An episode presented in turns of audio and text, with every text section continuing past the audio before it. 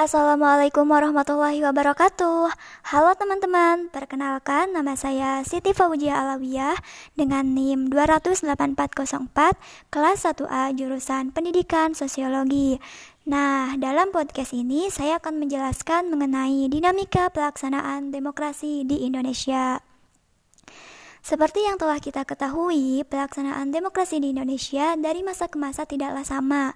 Mengingat Undang-Undang Dasar yang berlaku pun terus-menerus mengalami pergantian. Nah, untuk lebih mengetahui bagaimana dinamika pelaksanaan demokrasi di Indonesia, yuk teman-teman simak podcast berikut ini. Pertama yaitu pelaksanaan demokrasi pada masa Orde Lama yang dipimpin oleh Presiden Soekarno. Pelaksanaan pada masa demokrasi Orde Lama ini terbagi menjadi dua, yaitu masa demokrasi liberal dan masa demokrasi terpimpin.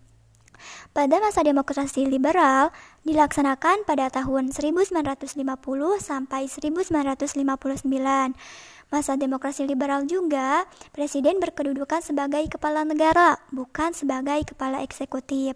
Masa demokrasi ini, akuntabilitas politik sangat tinggi dan berkembangnya partai-partai politik. Kemudian, landasan ekonomi yang masih lemah.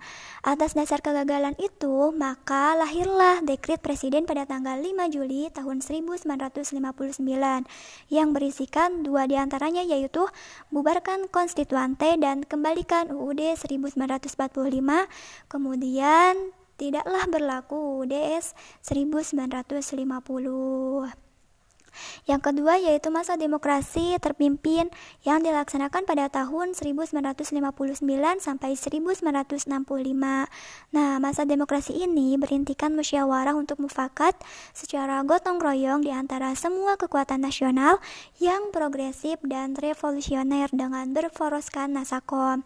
Adapun ciri dari demokrasi terpimpin ini yaitu pertama dominasi presiden, yang kedua yaitu terbatasnya peran partai politik, dan yang ketiga yaitu berkembangnya pengaruh PKI.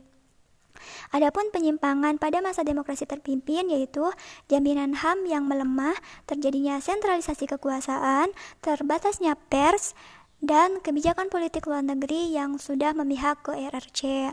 Adapun akhir terjadinya peristiwa ini yaitu pemberontakan G30 SPKI oleh Partai Komunis Indonesia.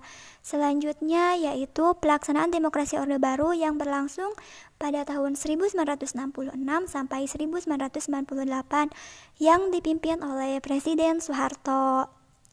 Nah, pada masa demokrasi ini, pelaksanaan demokrasi Orde Baru ditandai dengan keluarnya Super Semar tahun 1966 Orde Baru bertekad akan melaksanakan Pancasila dan UUD 1945 secara murni dan konsekuen.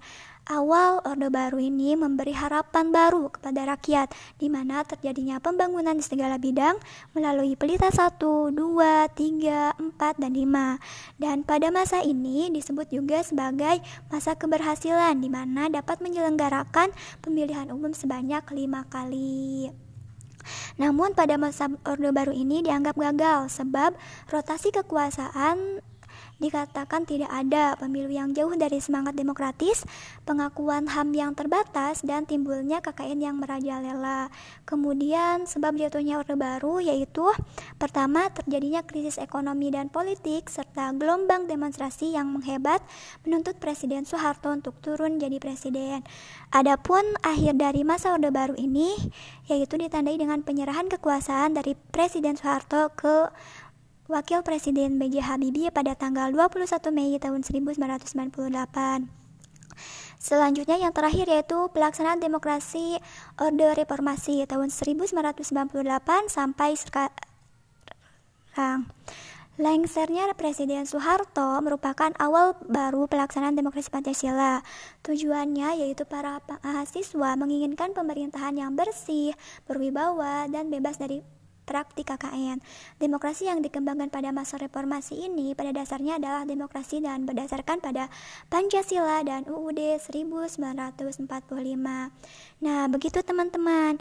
Demikian dinamika pelaksanaan demokrasi di Indonesia.